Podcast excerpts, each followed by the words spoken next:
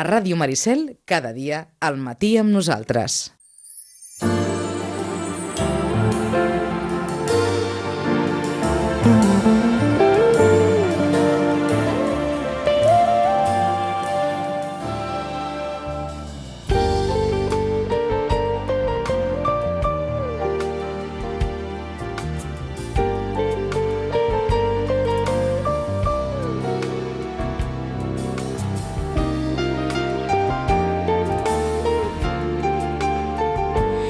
I 16 minuts del matí, segona hora d'aquest matí amb nosaltres d'avui dimecres 13 d'abril del 2011.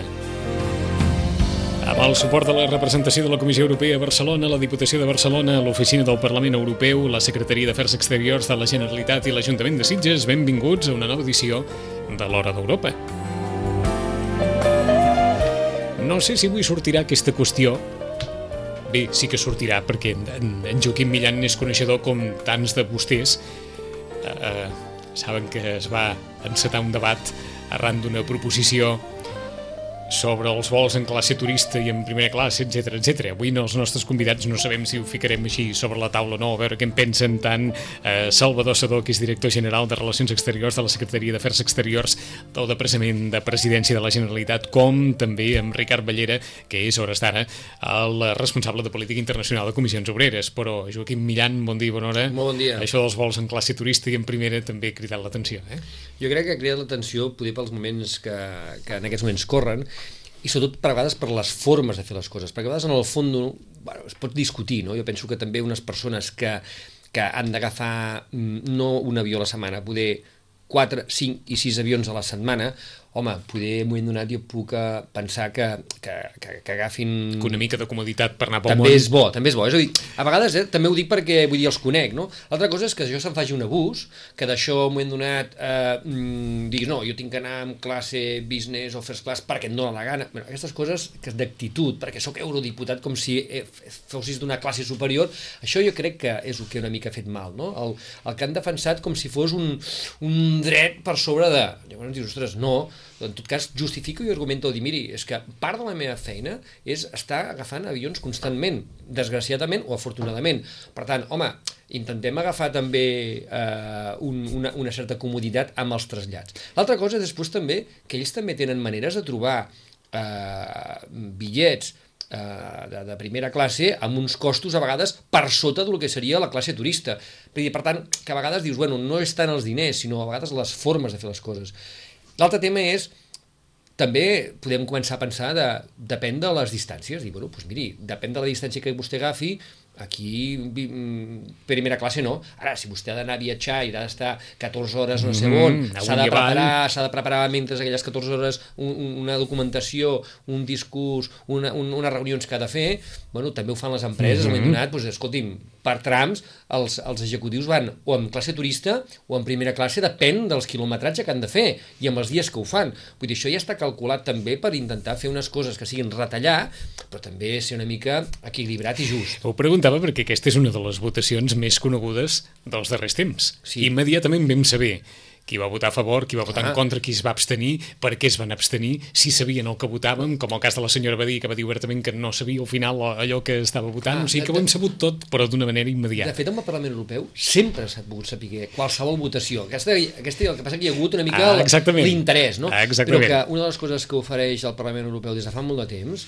és aquesta transparència que a vegades amb altres parlaments, eh, fins que no tens l'acte, no saps molt bé el mm -hmm. diputat tal que ha votat. És a dir, no en aquesta votació, en totes les votacions del Parlament Europeu es pot conèixer els resultats totes. ipso facto. Totes. Totes. O sigui, ningú es pot amagar de què ha votat. Tenint en compte, a més, que, per exemple, al Parlament de Catalunya ara avui tindrem unes mm -hmm. votacions importants i ja sabem que com que hi ha el tema, de, el tema del vot de partit, no? llavors, per tant, ja saps que si tal partit diu que votarà això, mai dones per suposat que ningú es desmarcarà. En canvi, el Parlament Europeu no passa així, perquè ho hem donat dins del grup socialista europeu, pot ser que ho hem donat amb algun tema, uns diputats del Partit Socialista Espanyol mmm, votin una altra cosa argumentant una argumentació que en moment donat doncs, és justificable. E inclús en algunes votacions s'ha donat el cas i poso el cas del Partit Socialista Català perquè és el que ha tingut tres eurodiputats o inclús quatre en algun moment donat, que hi ha una votació concreta que, que, que pot ser que els tres eurodiputats, inclús del PSC, hagin votat diferents per qüestions diferents. Mm -hmm. Llavors, això el Parlament Europeu mm, permet aquesta transparència que saps en cada moment, just in time, allò que se'n diu, qui ha votat què. O sigui, que ningú es pot fotre el, eh, el longuis de dir no sé exactament què passava, no? Eh, en uns moments parlarem amb el senyor Salvador Sadó, però abans, per què creus que ha tingut aquesta repercussió? Home, perquè jo crec que en És aquests moments no? hi ha una sensibilitat envers a les retallades i dir, bueno, què és el que estem retallant i a vegades també veus que una certa classe política o una certa classe també de l'administració pública, que no són polítics eh, escollits amb càrrecs electes, a vegades tenen alguns drets adquirits que poder en aquests moments també hauran de retallar-se, no? Encara que sigui com un gest a la població. El que no podem és demanar a la població que vagin uns certs sacrificis i nosaltres anar allò que dius, eh, permetem la, la vulgaritat, amb cotxe oficial també reconeixent que hi ha càrrecs que han d'anar en cotxe oficial, és que una cosa no treu l'altra, no? Eh, vull dir, mm, clar, perquè mm, m'entens? No, no, que tampoc seria, eh, seria demagògic dir, ara, tot, ningú en cotxe oficial i tots en patinet. Tampoc és això, però sí que és veritat que poder aquí també hem viscut molt de que mm, qualsevol càrrec té cotxe oficial, i això no pot ser. D'un estatus, eh? Saludem el senyor Salvador Sadó. Salvador Sadó, bon dia i bona hora, eh? Uh, bon dia. El senyor Sadó és director general de Relacions Exteriors de la Secretaria d'Afers Exteriors del Departament de la Presidència de la Generalitat de Catalunya. Comencem amb una, amb una pregunta, si ens ho permeteu, com que... Eh, No tinc cotxe oficial. Ah, no, no us anàvem a preguntar això, no. Però en qualsevol cas sí que us anàvem a preguntar, amb tots els matisos que vulgueu, de què creieu que s'ha parlat més? De la qüestió dels vols en classe turista o en primera classe o del rescat de Portugal, des del punt de vista de peu de carrer? Home, de... clar, jo potser puc estar una mica mediatitzat eh, amb el sentit de que per raó del càrrec eh, el tema de Portugal eh, ens ha afectat molt i l'hem seguit molt i llavors mm -hmm. hem parlat molt, no? Però evidentment a peu de carrer eh, el periodisme, eh, no el periodisme fàcil, però diguem-ne és, és, és molt fàcil parlar de les, de, del tema dels vols amb, amb, amb business o dels vols en turista, no? I, i segurament molta gent això els hi és més fàcil eh, de parlar perquè és més senzill, eh, és blanc o negre, i en canvi el tema de, del rescat de Portugal hi entrem en unes dinàmiques de coneixement de- d'economia i d'altres coses que segurament molta gent no, no hi entrarà ni a preocupar-se a mirar, no? Creieu que és injust o creieu, com ens deia en Joaquim Millán fa un moment, que això respon a aquest grau de, sensibil de sensibilitat eh, que hi ha evidentíssim davant aquesta qüestió dels sacrificis que, que públicament eh, es demanen dia sí dia també? A veure, jo crec que hi han dos, eh, dos debats. Un és el, el tema dels salaris de la classe política, no? I aquí a Espanya a vegades n'hem parlat molt, eh, que la classe política, eh, si volem que realment tinguem eh, uns polítics que realment eh, tinguin una alta capacitat i una alta preparació, eh, segurament doncs, eh, hem d'analitzar el, els salaris o el cost de, de tenir la gent millor, millor preparada, no? Eh, respecte al tema les, eh, de les, podríem dir, les prebendes que alguns eh, diuen, eh, jo crec que s'han d'analitzar casos per casos. Amb el nou Estatut de Diputats, el, els temes de, de, dels viatges eh, ja queda tot molt més determinat i es paga el que ha costat el preu del bitllet, perquè alguns mitjans aquests dies encara han dit que hi han, eh, eh, hi han diputats que feien eh, xanxullos per treure's, eh, treure's un sobresou a costa dels viatges. És possible que alguns encara ho puguin fer perquè venen de, del mètode anterior, no? però això s'ha intentat eh, regular. Jo crec que eh, amb, puc entendre la gent que diu ens passem moltes hores eh, per feina amb, un, amb, una, amb els aeroports i amb un avió i per tant doncs, que puguis tindre eh, la possibilitat, doncs, si viatges en business, per exemple, l'accés amb, una sala VIP i poder treballar des d'allà. No entenc, per exemple, algunes prebendes d'alguns que diuen bueno, si retrassa mitja hora la- l'avió hem de cobrar unes dietes de retras i això sí que ho trobo fora de lloc, no? Mm. Però, evidentment, per vol de dues hores perfectament es pot anar amb classe turista, no? Eh, no crec que, que això afecti a la, a la comoditat i segurament no és tant una, una qüestió de comoditat. No? D'acord, en uns moments parlem del rescat de Portugal, però ens agafem al vostre primer argument. Ens dèieu que si volem tenir una classe política preparada, també d'alguna manera hem d'entendre que aquesta classe política preparada ha de cobrar d'acord amb la seva preparació. Algú, però, segurament us podrà dir cal estar molt preparat per arribar a ser polític, però? Per arribar a ser càrrec electe? O no? O es La pot ser veritat- càrrec o es pot ser càrrec electe senzillament mm, bé, no ben acabat ni, ni, ni els estudis primaris. Evidentment pot ser així, perquè tenim una dinàmica de... Uh, nosaltres, per enfortir la democràcia als anys, uh, als anys uh, la Constitució espanyola, en, en el finals dels 70, es va enfortir molt el sistema de partits polítics, no? perquè així podia garantir, el, el, era una manera d'intentar reforçar aquesta transició democràtica. Jo crec que avui en dia hem d'evolucionar també cap a això i tendir ja més cap a les llistes obertes. Perquè si no pot passar doncs, que la gent que depèn molt dels aparells de, dels partits, que depenem doncs, de, de que els líders de turno o les direccions dels partits et designin qui són els que formen les llistes electorals, doncs una persona que es dediqui més a moure's a, per l'interior de, de, dels partits, a, a fer els seus equips, a moure's i anar, per dir-una manera, allò que es diu conspirant, eh, i vivint sempre en, en l'interior dels partits, doncs poden acabar tenint un, un càrrec de designació o un càrrec electe, uh -huh. però que segurament si fos una llista oberta, potser algú a l'hora de votar diria, home, aquesta persona no té la preparació o no està capacitada o jo no la valoro per, per, perquè pugui ser diputat, però en canvi és una persona que es pot sentir socialista, democristiana o convergent i diu, escolta'm, jo voto el partit i si, sigui quin sigui el candidat, no? Uh -huh. uh, jo crec que avui en dia hem de començar a evolucionar cap a, cap a un format de llistes eh, més obertes que garanteixi una major pluralitat i una major democràcia interna dintre dels partits i al final aquí també podrem veure quina és la capacitat de cada un dels candidats i votar en conseqüència. Mm. Fet aquesta reflexió, i ara els demanem de la forma més didàctica i entonadora possible que ens pugueu explicar què ha passat a Portugal. Doncs a eh, Portugal ha passat el mateix que en altres estats eh, de la Unió Europea com Grècia i Irlanda, que la crisi financera i la crisi, en alguns casos, immobiliària, eh, com és el cas d'Irlanda, ha forçat a que l'Estat eh, ha fet un default que no té capacitat per poder pagar els seus, eh, els seus deutes.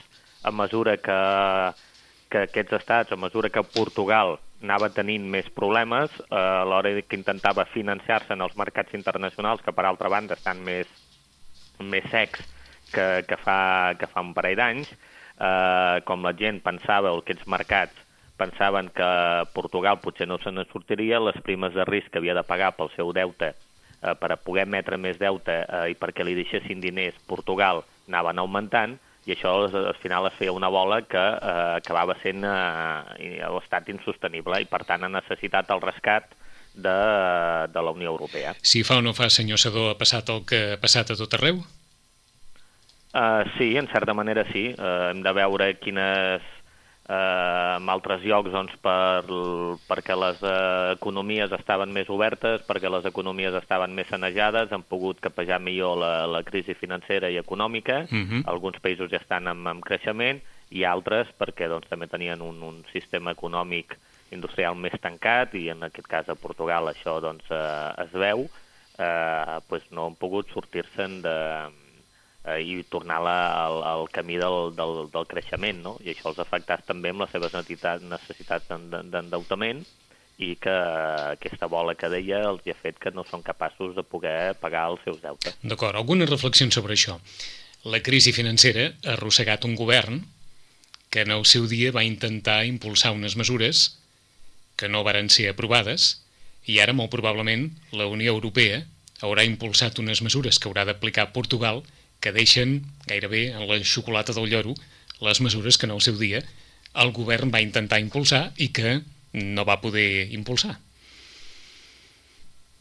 Sí, eh, aquí hi ha hagut... Eh, Portugal aplicava ja, o havia presentat, me sembla que era el, seu, el tercer o el quart eh, uh -huh. eh, Pla de sanejament, per dir-ho així. Crisi, sí. No? sí. En els primers, en què, per exemple, l'actual partit principal de l'oposició, que en els primers plans hi va donar suport al govern, fent una actitud, eh, eh, diguem-ne, d'estat, cosa que, per exemple, el PP aquí no va, no va fer i en el seu moment, al maig de l'any passat, eh, ho va haver d'actuar en la seva extensió Convergència i Unió, perquè el PP se'n va desmarcar perquè preferia que caigués el govern, cosa que en certa manera ha passat a Portugal, perquè el principal partit de l'oposició, que en el primer moment demanava eh, uns, uns pactes inclús més contundents, més forts, però va donar suport, doncs ara s'ha desmarcant, no?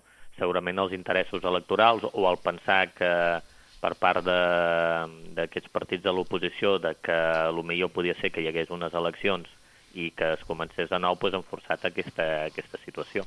Eh, quantes vegades us han preguntat si Espanya seguirà el camí de Portugal?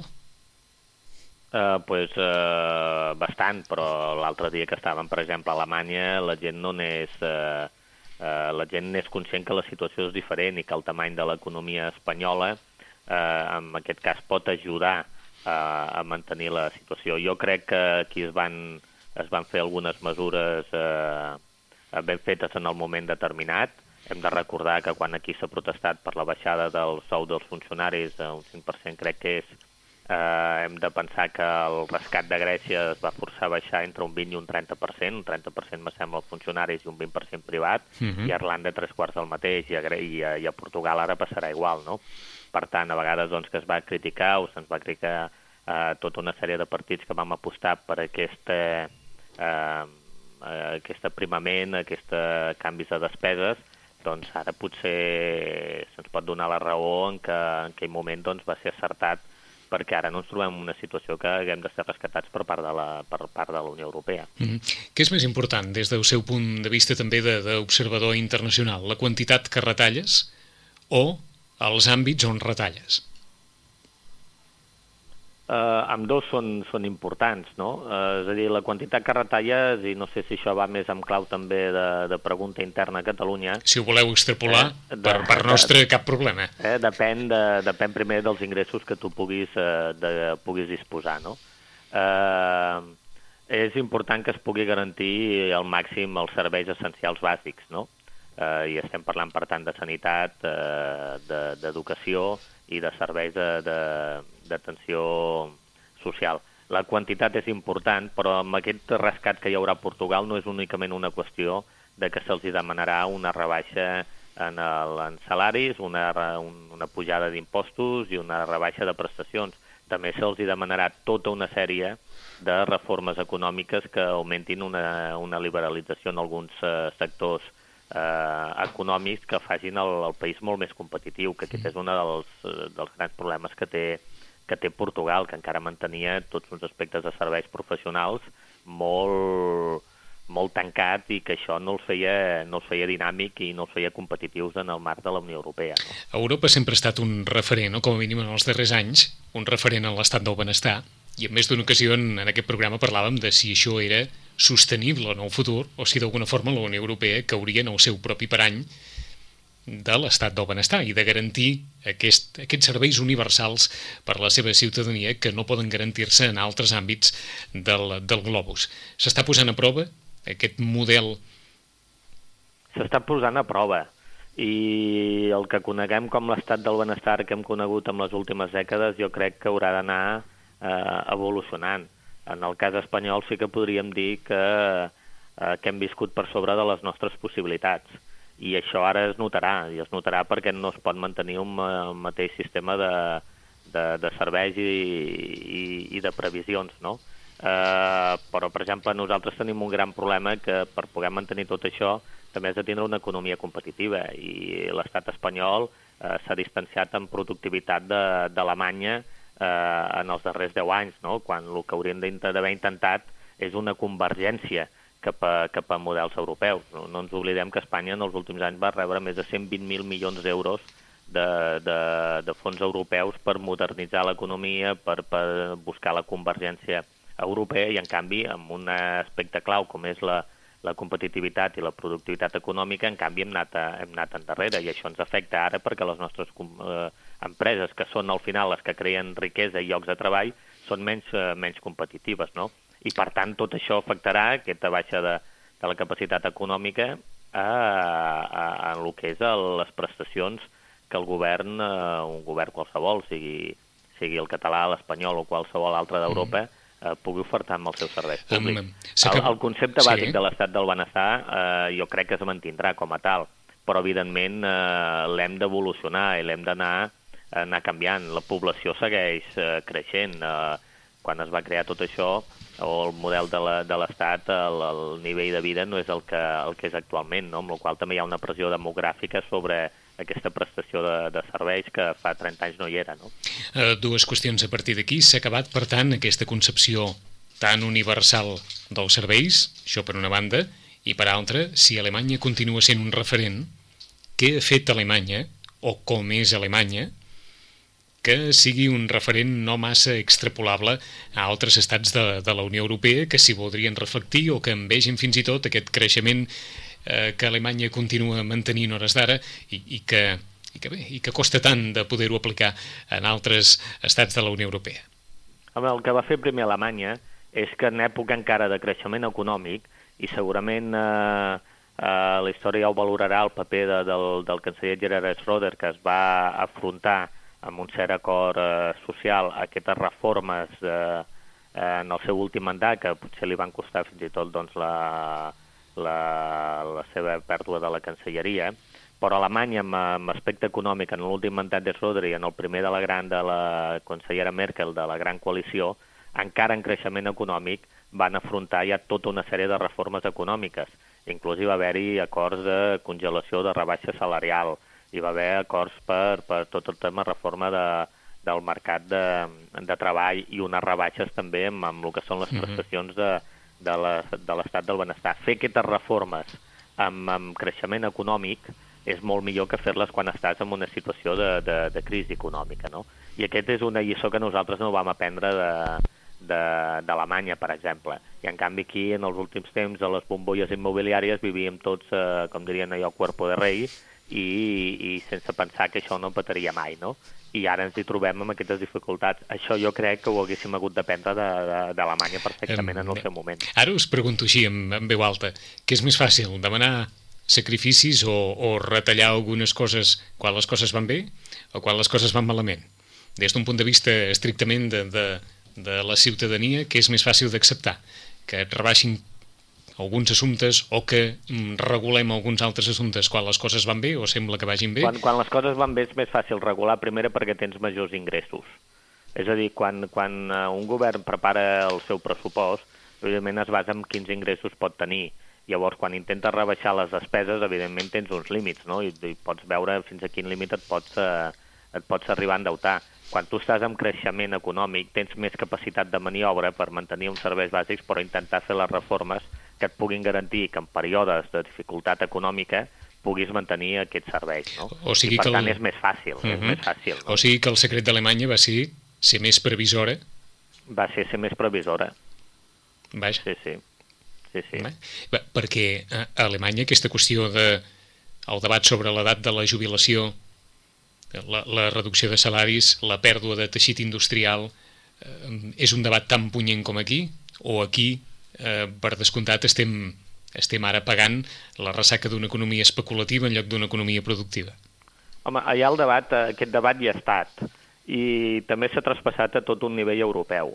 I Alemanya, i hi ha part de justificació i part no, perquè evidentment la seva economia depèn molt també de, de la, el seu nivell d'exportació i per tant de tot el que es porten cap a altres països europeus, perquè doncs, Alemanya, sobretot en el model grec, en què tenien molts bancs enganxats quan Alemanya apostava pel, per la intervenció a Grècia, que va ser, la, la, si no m'equivoco, el primer estat que va ser uh -huh. intervingut, eh, eh, hi havia un debat social que deia per què hem de mantenir nosaltres ara hem d'anar a salvar una gent que sí. deix de treballar als 61 anys quan nosaltres estem treballant als 67. Ah, exactament. Llavors aquest debat el tenien. Clar, també podria dir, escolti'm, vostès han ajudat també a crear també aquesta part de bombolla en què els seus bancs han anat invertint allà i comprant bonus i que vostès depenen molt de les economies forànies perquè són el principal, bueno, ara ja l'ha superat la Xina, però durant molts anys han estat el principal país exportador, no? Per tant, poden tindre una part de raó i una part de, de, de, de culpa també en, en la situació, però ara es plantegen, no? Diu, per què nosaltres hem de seguir eh, subvencionant, pagant a part de països europeus que ells no han fet la feina com nosaltres hem fet amb, amb, amb un tema de, de reformes eh, estructurals. No? Uh -huh. Aquest debat a Alemanya hi és i nosaltres, com deia abans, hem de ser conscients i és un debat a vegades que podem tindre aquí també a Catalunya versus la, la resta de, de l'Estat, no? -huh. De dir, home, nosaltres ara aquí estem eh, patint unes retallades que estic segur que a partir del 22 de maig moltes comunitats i grans ajuntaments de la resta de l'Estat hauran de fer, eh, però ara abans de les eleccions doncs, ningú les vol, les vol anunciar, però eh, nosaltres seguim aquí pagant i tenim un dèficit fiscal de 15.000 milions d'euros de, a l'any, que si aquest dèficit el tinguéssim més o menys resolt, que això no vol dir que no volem optar per la solidaritat, segurament no hauríem de fer aquestes retallades perquè podríem complir perfectament amb el dèficit. No? Mm -hmm. Des d'un punt de vista també molt global, senyor Sadó, què li deu haver costat a la Unió Europea rescatar tot el que s'ha hagut de rescatar? Uh, home, el... és el que li deia, és a dir, alguns països poden pensar ho dic perquè així, en, així en... ara nosaltres hem de pagar el rescat d'aquesta gent. Mm -hmm. Ho dic però perquè, quantes eh... economies viuen de... de, de l'economia europea és un model que és, eh, és comunitari, eh, que hi ha una moneda única, i per tant, doncs, eh, tot i que hi ha diferències en temes de polítiques fiscals i de, de certes polítiques eh, econòmiques, hem de tendir major una major harmonització. És a dir, no mm -hmm. pot existir una unió monetària si no hi ha una unió uh, econòmica. Oh, us ho preguntava... I hem mhm. d'anar-hi tendint cap aquí, inclús amb una, una major harmonització fiscal a, a la Unió. No? Us ho preguntava, digui... però, per, per aquell debat, eh, disculpeu-me, tan, mhm. -huh. tan obert sobre si en el fons el sector públic ha hagut d'injectar una enorme quantitat de, de diners en un sector privat que ha demostrat també, com, com en el cas dels bancs, que, que ha gestionat les coses d'una determinada manera i que tampoc hi ha hagut massa contrapartida a aquesta injecció de diner públic, de diner de, de tots els ciutadans, en, en el sector bancari, per exemple, el rescat del sector bancari o el rescat d'alguns estats el, que no... El sector bancari s'ha produït eh, a Irlanda. A Irlanda sí que hi ha hagut injecció, semblen estar 40.000 milions eh, de, del govern irlandès per eh, salvar el sistema bancari. En el cas espanyol, el que a vegades quan es parla del FROP, mm. eh, hem de tindre això que en diu Fondo de, de, de Rescat, de Garanties, eh, hem d'entendre que, això és un, que això és un crèdit. Eh? És a dir, això són diners que l'Estat posa a disposició d'aquestes entitats i que els hauran de tornar, i els tornen amb un interès bastant, eh, bastant alt. A partir d'aquí podem veure si el sistema bancari que tenim a l'estat espanyol és sostenible en tantes petites entitats que sovint han actuat com a, com a braç financer de, de, de diputacions i d'organismes en certa manera públics, eh, involucrant-se en unes inversions que, que eren completament insostenibles i que llavors jo entenc també la posició de molta gent que diu, home, diu, ara nosaltres eh, no donen crèdit, eh, mm -hmm. la hipoteca doncs eh, eh, no la puc pagar i no torno al pis però ara ja no val, se m'ho queden, me desnonen i en canvi els anem, els anem a salvar. Es pot entendre aquest discurs, però també crec que hem de ser conscients que tothom, com deia abans, hem viscut per sobre les nostres possibilitats i jo crec que tothom ha de tindre una miqueta de, del coneixement i la cultura bàsica que quan un, un banc t'oferia una hipoteca per sobre del seu valor o, o que hi podies incorporar immobles, pisos i vacances i cotxes, eh, pues tothom n'havia de ser conscient de que no t'estaven regalant els diners, que era una cosa que havies de tornar. No? Eh, I per tant, jo crec que aquí la culpa no és únicament de, de, del sector bancari, que en certa manera en té culpa, perquè si ells han assumit uns riscos, jo crec que els han de, els han també d'assumir. Si una persona fa una inversió i aquesta inversió és fallida, no vindrà l'Estat a donar-li vostès els, els diners, no? Exactament. El sistema bancari, amb algunes caixes, doncs, no hem d'assumir tots uns errors de, dels seus uh, directius, no? que en mm -hmm. algun cas encara pretenen cobrar alguns bons. No? uh, però n'hem de ser conscients de que tot això és un... un o tots, uh, des del sector públic, des dels polítics, des del sector financer i de la, tota la població en general, hem creat tot aquest sistema que ara veiem que, que és insostenible. No? D'acord, el que va, uh, senyor Sadó, arriba un moment en què, en què està la, la paradoxa o la paranoia que no se sap qui és salvat aquí, eh? Sí, sí, sí. Sí, sí, i ja, la gent doncs, ara està pensant doncs, que yeah. estem salvant a, a les caixes, quan, quan, quan faltarà veure, en alguns casos sí que s'ha hagut de, d'intervenir, no? I llavors a vegades dius, home, com és que hi ha diners pel, pel FROP i en canvi no hi ha diners pel fons de competitivitat, no? Que això eh, no ens ho volen pagar i això eh, qüestionaria el que haguem de, de, de fer tant, tantes retallades, no? I, I aquí sí que ja en, entres en una cosa que la gent del carrer sí que no, no ho entén, no? I segona que mhm. amb la situació dels bancs eh, el que han fet i aquí jo penso que hi ha un error per part del govern central de no afavorir una major reconversió de, de l'Institut de Crèdit Oficial, que el que hem de garantir és que hi pugui haver-hi crèdit per les empreses perquè puguin seguir generant empreses que són viables econòmicament i que avui en dia no tenen cap mena d'accés al, al sistema financer i al crèdit, perquè el que posa a disposició l'Estat va millorar balanços bancaris i no a, a, a poder a ser, diguem-ne, l'oli que engrassa tota la maquinària eh, industrial i empresarial del, del país. No? Tres quarts d'onze del, del matí. Una qüestió final, senyor Sadó, mm, per, per tancar la, la conversa. No hi havia una altra manera de fer-ho? Aquesta podríem dir que és la pregunta del milió, no? Eh. Uh, podrien haver hagut... Uh, Moltes maneres, maneres de fer-ho. Ve, Veure-ho a, veure a posteriori... És molt fàcil, és no? És molt fàcil, no? Uh, jo crec que, que hi haurien d'haver hagut reformes estructurals molt més profundes fa un parell o tres anys. Hi ha gent que ho va estar demanant en el seu moment, d'anar a buscar uns pactes d'estat per, per l'energia, uns pactes d'estat per, per la reforma del sistema laboral, per buscar la flexibilitat que no vol dir l'acomiadament lliure, no? per una major flexibilitat per adequar-la més en el sistema.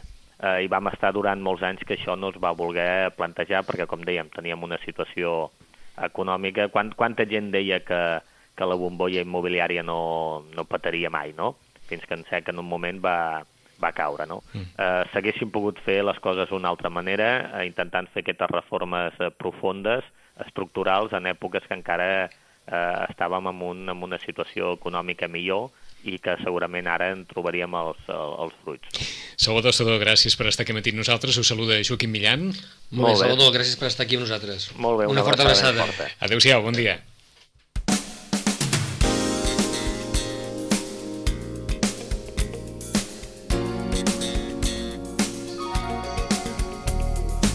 El senyor Sador ens deia al final i nosaltres estàvem aquí sentint que dona aquella certa sensació que ningú sap a qui ha salvat o si tothom s'ha salvat a, a, a tothom en definitiva. En uns moments saludarem a Ricard Ballera, ell és en aquest cas el responsable de política internacional del sindicat Comissions Obreres de Catalunya i membre també de la seva executiva. Hem de ficar sobre la taula la qüestió de nou de l'estat del benestar a Europa, de les pensions, de, del què passarà en tot plegat i quin és eh, el seu punt de vista, l'agenda social, l'igualtat d'oportunitats, el futur, sobretot de les pensions i d'aquest estat del benestar que apuntàvem també amb Salvador Sadó. En Ricard Ballera és eh, sindicalista, periodista, gestor intercultural i ha exercit diverses professions en l'àmbit editorial i audiovisual. No sabem si hi ha també una forma molt periodística d'explicar el que passa o si el que passa senzillament és un, és un desastre.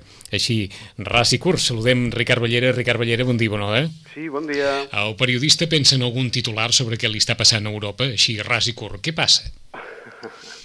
bueno, que sembla ser que la, que la construcció europea ha entrat en una fase de regressió i en comptes d'un model social europeu el que els vol imposar és una cosa que no és ni un model ni és social ni tampoc és europeu, sinó que ve bàsicament d'altres llocs del món, no? Doncs vinga, un altre titular que li demanem a un periodista.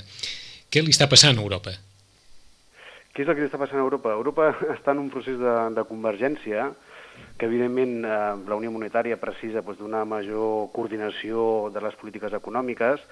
El problema és que amb la crisi la cohesió, les diferències entre els estats eh, s'han fet molt més eh, evidents i per tant costa molt més, diguem-ne, d'encetar de, de, no, aquesta convergència. Serà que volíem una Europa des d'un punt de vista molt igualitari?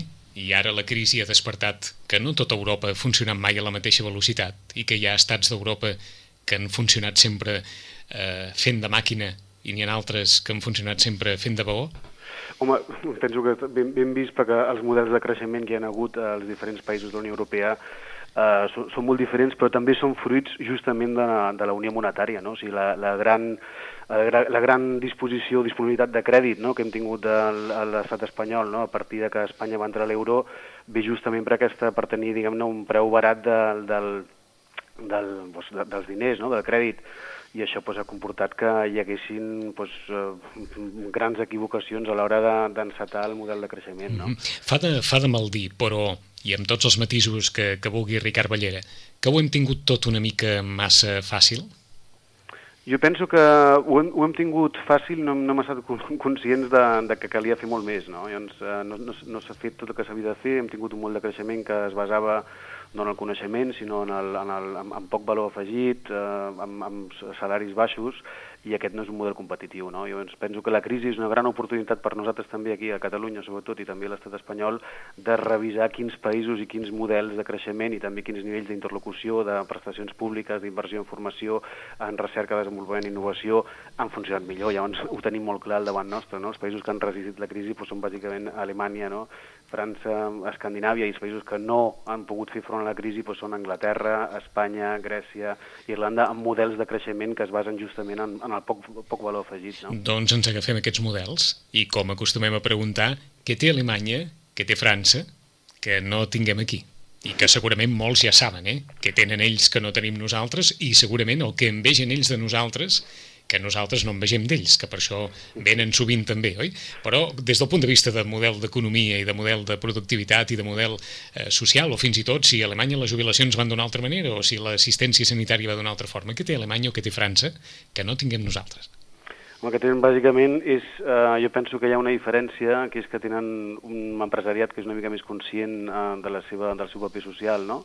Està molt bé el lideratge, però el lideratge està bé si està marcat en una responsabilitat no? en, envers la, enfront la societat. No? Aquest és un factor, l'altre factor també són les polítiques. No? Les polítiques eh, els van a Alemanya i a França, doncs els impostos són més elevats i llavors es disposa de més capital també per poder empantar doncs, el que és la formació, o sigui, a nivell de, de percentatges en relació al producte interior brut, doncs és molt més el que inverteix Alemanya o França en temes de formació que no pas nosaltres. No? Doncs mm. aquestes cosetes. Aquest model aquest model és un model ideològic o és un model, mm, no sé, és un model històric, per dir-ho així, un model eh, que ha vingut marcat pels esdeveniments històrics més que per una ideologia determinada? Jo, jo penso que el tema de les ideologies avui en dia és molt, molt, molt complicat. El que sí que és cert és que el model social europeu, que és aquest que defensem i que realment és, és, és, és l'aposta d'èxit, no? és la fórmula de com fer funcionar l'economia i la societat en termes democràtics, no? Um, és un model que ve també ben marcat per la història del, del taló d'acer i pel tema de la Guerra Freda, que calia, diguem-ne, era necessari justament uh, pues, desenvolupar un sistema que fos socialment just. No? I doncs, amb la caiguda del taló d'acer, amb, la, amb la desaparició afortunada, evidentment, d'aquestes grans diferències, diguem-ne, a nivell de, de sistemes, no? tant el totalitarisme que hi havia doncs, a la Unió Soviètica, no? per un costat, com el, tema neoliberal que tenia els Estats Units i el mig Europa buscant un terme intermig, a moment que aquesta balança ha perdut un pes a una part, doncs ens hem anat tots cap a, cap a l'altra. No? Mm. Llavors penso aquí que el que s'està imposant és bàsicament temes que venen del consens de Washington. Per això, per això deia bàsicament que jo penso que s'està imposant és una cosa que no és ni un model, ni és tampoc social, ni és europeu, perquè bàsicament les referències eh, a nivell econòmic no són europees. No? Aquesta política de l'austeritat, no? aquesta no, no, no són temes que, que, que, siguin, que formin part de la nostra història, no? Mm -hmm. la nostra cultura. Uh, veníem d'una època en què qui es moria als 45 anys es moria jove, mm -hmm. però qui quedava a l'atur als 45 anys ja era massa gran per anar a buscar feina. I ara, uh, ara plantegem una jubilació cada vegada més tard, quan venim d'una època en què es prejubilava a gent amb 48 anys o amb 50 anys i se'ls hi proposava, no sé si dir una vida ociosa, fins al final de, dels seus dies. Eh, eh, ara com ho fem, això? O, o com s'ha de plantejar eh, l'estat del benestar, el futur de les pensions, o, què, el que hem de fer quan siguem grans?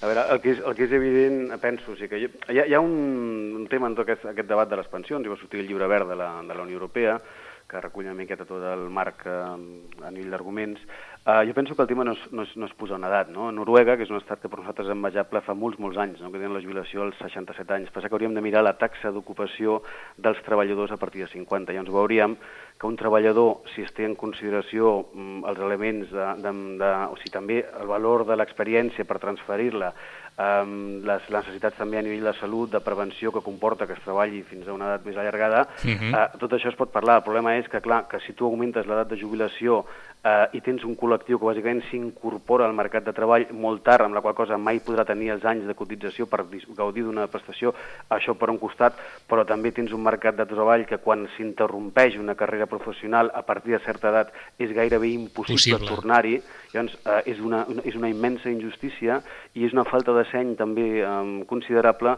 el que s'està intentant imposar. O sigui, no és un tema tant de les edats de jubilació, perquè sí que és cert que hi ha una certa tendència demogràfica, sinó, però el tema és bàsic, és que amb més, amb més, amb més feina si, no, si baixem del 20% d'atur que tenim actualment, no? o, del, o del 40% d'atur que tenim de 18 a 25 anys, o el 60% que tenim de 18 a 21 anys, llavors, evidentment, eh, podem tenir carreres de cotització que facin que sigui sostenible el sistema de, les, de pensions. El que fa insostenible el sistema de pensions són les polítiques eh, d'ocupació que no, no aconsegueixen realment que la gent pugui gaudir del seu dret a treballar. No? O sigui, gairebé ens diríeu que, que esclar, podem estar debatent sobre l'edat de la jubilació molt de temps, però si no resolem la incorporació al món del treball, parlar de l'edat de jubilació és gairebé una, una mitja entelèquia, vaja. És una mitja entelèquia. Jo, jo, jo poso un exemple. A Alemanya, que també va, va ser el 2007, que van introduir l'edat de jubilació al 67, i va haver un gran, gran debat. I França, que es van enfadar tant per el canvi de l'edat de jubilació que la tenien al 62, a França, no? Em sembla? Sí, però tenien 62 en comptes, eh? però amb 38 anys de cotització. Ah, entesos.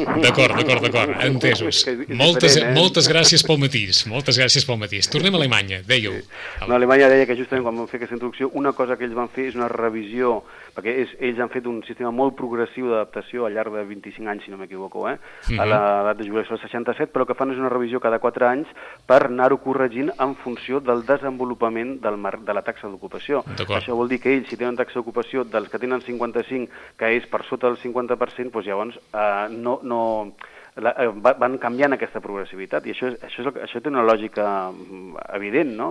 O sigui, tu no pots condemnar la gent que no té la possibilitat d'agafar feina perquè no hi ha tampoc la sensibilització, la sensibilitat, perdona, o la cultura per part dels empresaris de contractar gent amb experiència, sinó que es tracta, o, o que es pretén és contractar bàsicament gent pues, que aporti molt de, molt, de, molt de valor a nivell d'estudis de, actualitzats i a un preu molt baix, Llavors, amb, amb aquesta situació, amb aquesta falta de sensibilitat envers la, la, el valor que aporta la gent amb experiència al món del treball, pues és, és realment és una grandíssima injustícia no? a l'estirar l'edat de jubilació.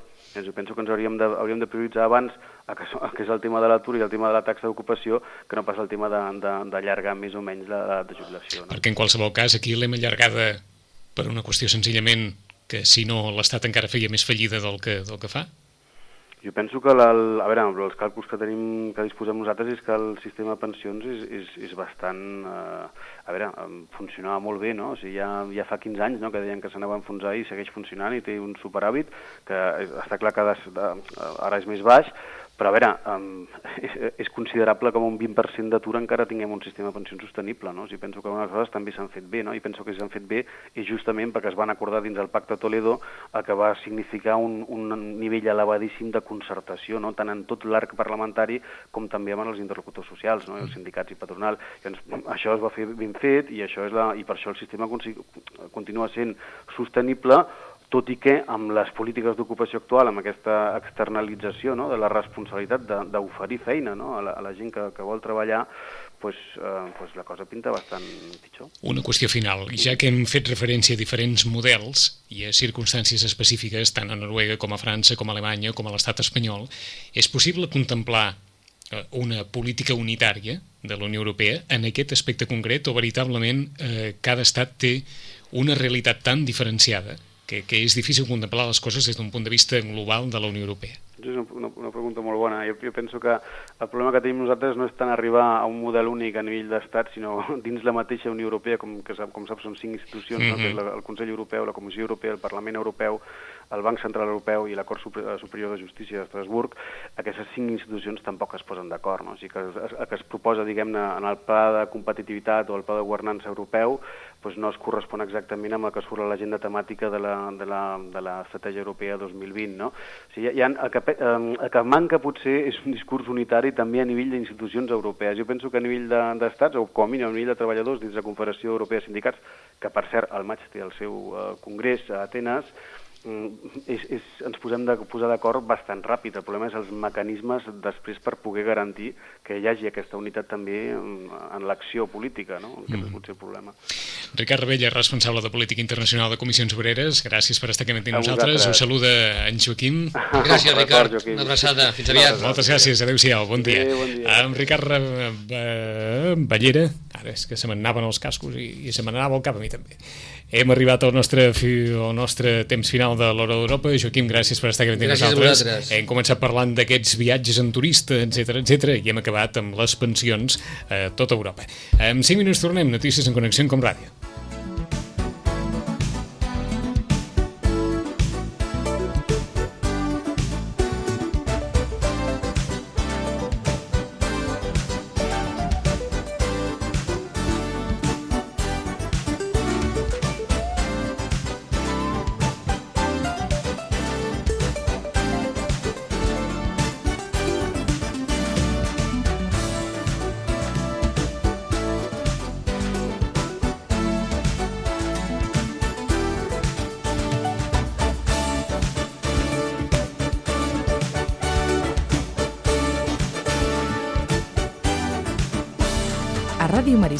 Cada dia al matí amb nosaltres.